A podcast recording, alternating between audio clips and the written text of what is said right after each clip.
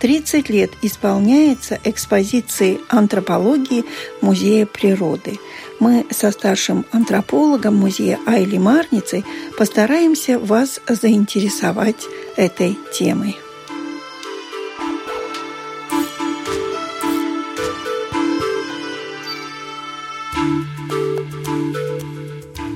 Вот эту экспозицию 2001 года, которая касается этногенеза латышей, вы ее сами создавали. А вообще экспозиции, которой исполняется 30 лет, она находится где? Она уже нигде не находится. Она была в этом помещении, в одном этом маленьком зале. Сейчас эта новая экспозиция занимает два зала, а тогда это был один вот этот маленький зал, 25 квадратных метров, и в нем мы должны были тогда поместить все, что мы хотели показать.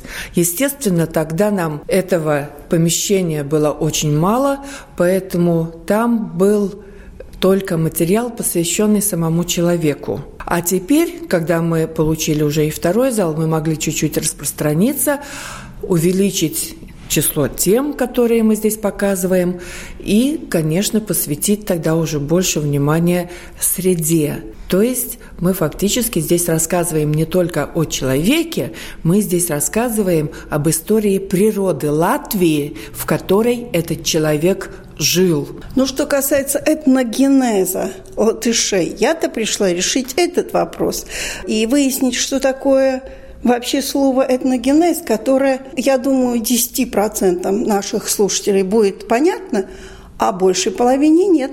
Вот вы правильно сказали слово «процесс». Это не какая-то константа, это именно процесс. Процесс развития процесс создания, процесс формирования какого-то этноса. Этнос когда он застывает в своем развитии, это значит, что он выходит на какую-то такую... Сначала это стагнация, а потом начинается и вымирание. Но я очень надеюсь, что мы еще не на той стадии, и если верить Гумилеву, чем моложе этнос, а существует этнос в своем развитии, по крайней мере, 1400 лет. А поскольку именно как латыши, это этнос очень молодой еще. И поэтому мы можем считать, что вымирание пока что не грозит, если сами к этому латыши не приложат руку. Мне казалось, вот славяне, балты, они как-то чисто по внешнему виду очень похожи. Как они подразделяются? Все-таки есть же какие-то признаки такие чисто физического? Говорить конкретно об этих признаках я бы не хотела, потому что иногда вот приходит человек и говорит, а вот я кто по внешнему виду, а скажите, я какой? Во-первых, это не всегда так сразу можно и сказать. Об этом лучше рассказали бы уже антропологи, которые непосредственно занимаются изучением черепов, измерениями, которые занимаются конкретно изучением настоящего материала. Мы здесь только отображаем то, что эти ученые изучили. Поэтому лучше, если об этом расскажет, например, Гунита Зариня. Она в основном занимается вопросами демографии и социальными аспектами различными. Изменениями скелета в глобальном масштабе на большом временном отрезке, по крайней мере, 9 тысяч лет. Этим занимается Гунтес Герхардс. А вообще основоположником этой темы является почетный член Академии наук Раиса Денисова она будет э, со своим рефератом участвовать в нашей конференции, которая состоится 6 ноября. Она будет говорить конкретно о балтах, какие сейчас, по ее мнению, существуют данные о месте и времени формирования балтов. Но мы можем говорить о том, чем наши предки питались и как они менялись, соответственно, с тем, чем О, да. Питались. И это как раз очень тесно связано с тем, что показано здесь в этой экспозиции. Потому что мы, как музей природы, показываем не только материальную культуру, как историки, мы показываем человека в той среде, в которой он жил, развивался, менялся, формировался. И поэтому здесь у нас центральное место занимает занимает большая витрина в экспозиции, в которой мы показываем изменение климата, как менялось наше Балтийское море, которое сначала вообще не было море, а было э, Балтийское ледниковое озеро. Э, древнейшее поселение, которое известно на территории Латвии, это Саласпилслаукскола. Поселение, которое датируется очень большим возрастом, 11 тысяч лет.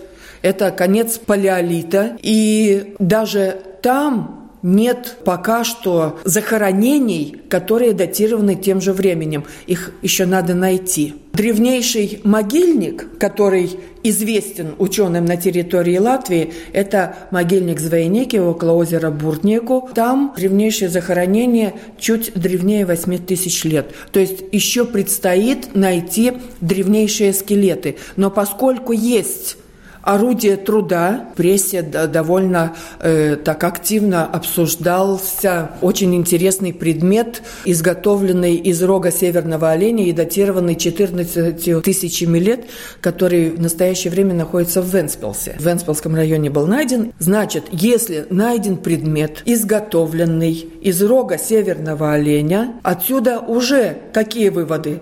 Что были северные олени, была окружающая среда, которая позволяла этим оленям здесь жить, и поскольку предмет изготовлен, значит, были и люди, которые этого оленя поймали, изготовили конкретный предмет из рога оленя, значит, мы можем сказать, что, по крайней мере, 14 тысяч лет назад здесь появляются первые люди на этой территории. И это были представители северной ветви европеоидной расы, которые приходят вдоль берега этого древнего Балтийского ледникового озера с запада. Значительно позже, в небольшом количестве, здесь появляются пришельцы с востока, которые имеют уже несколько иной облик. Их называют метисными племенами, их называют недифференцированными монголоидными племенами, но то, что они отличались по своему внешнему виду, по своему морфологическому типу от тех первых, которые появляются с западного направления, это факт. И вот в нашей экспозиции можно видеть и черепа, представленные этими двумя группами, и скульптурные реконструкции, которые нам показывают в этой большой витрине, где э, показаны морфологические типы древнего населения Латвии. У нас есть скульптурная реконструкция, изготовленная по конкретному черепу из могильника Звейнеки. Этот человек жил почти что 8 тысяч лет назад. Другой скульптурный портрет в этой же витрине нам показывает совершенно другой другой тип, и население такого типа приходит около 7 тысяч лет назад. Приходит откуда-то с северного Урала, пройдя территорию э, современной Ленинградской области, территорию Эстонии и появляясь на территории Латвии с севера.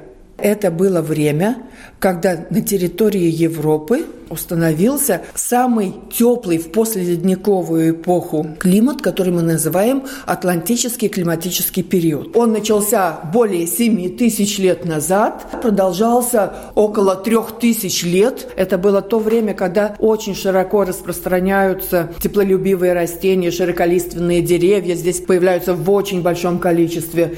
Где-то дальше к югу, ну, скажем, в тех же причерноморских степях, Очевидно, было ну совсем жарко. И предполагается, что оттуда те племена, которые там жили и которым там стало некомфортно, стали двигаться к северу и частично вытеснили те племена, которые жили в Волго-Окском междуречии. И вот тогда здесь встречаются уже повторно различные по происхождению группы населения. И там, где они больше смешивались, получалось больше метисных типов. Где-то, может быть, они вообще не смешались. Там в чистом виде сохранились те люди, которые первыми пришли, чистые европеоиды. В дальнейшем продолжали существовать и те, которые в чистом виде сохранились, и разной степени смешанные типы. А теперь несколько слов о той экспозиции, которой празднуется 30-летие. Правда, ее сейчас нет. Я не знаю, как мы будем праздновать. Конкретно той экспозиции нет. Но мы в этой экспозиции сохранили практически весь материал натуральный материал, который был в той экспозиции, мы его дополнили. Мы его расширили, но мы сохранили весь тот материал, потому что там был именно человеческий материал. И вот он здесь представлен уже по-новому оформленной витрине, но это те же самые черепа, те же самые представители древнего населения, которые были показаны в той экспозиции. Что здесь хочется подчеркнуть? То, что большая часть этих черепов из уникальнейшего могильника Звейнеки. Это самый большой могильник в Северной и Восточной Европе. В нем хоронили людей на протяжении многих тысячелетий. На основе изучения этого могильника открыты не только типы людей, описаны типы людей, которые сюда приходили. Здесь показаны обряды захоронения. Здесь показаны культуры, которые сменяли друг друга. И даже если мы не будем брать какие-то другие исторические памятники, только на основе этого могильника мы можем очень много сказать о древнейшей истории Латвии и о том, какая была в том числе и среда в том месте, где был этот могильник. Он составная часть большого археологического комплекса, куда входили еще и поселения. Сначала мезолитическое, а потом раннего и среднего неолита. Поэтому, э, когда мы говорим о преемственности этих экспозиций, мы обязательно подчеркиваем то, что здесь сохранен весь этот материал.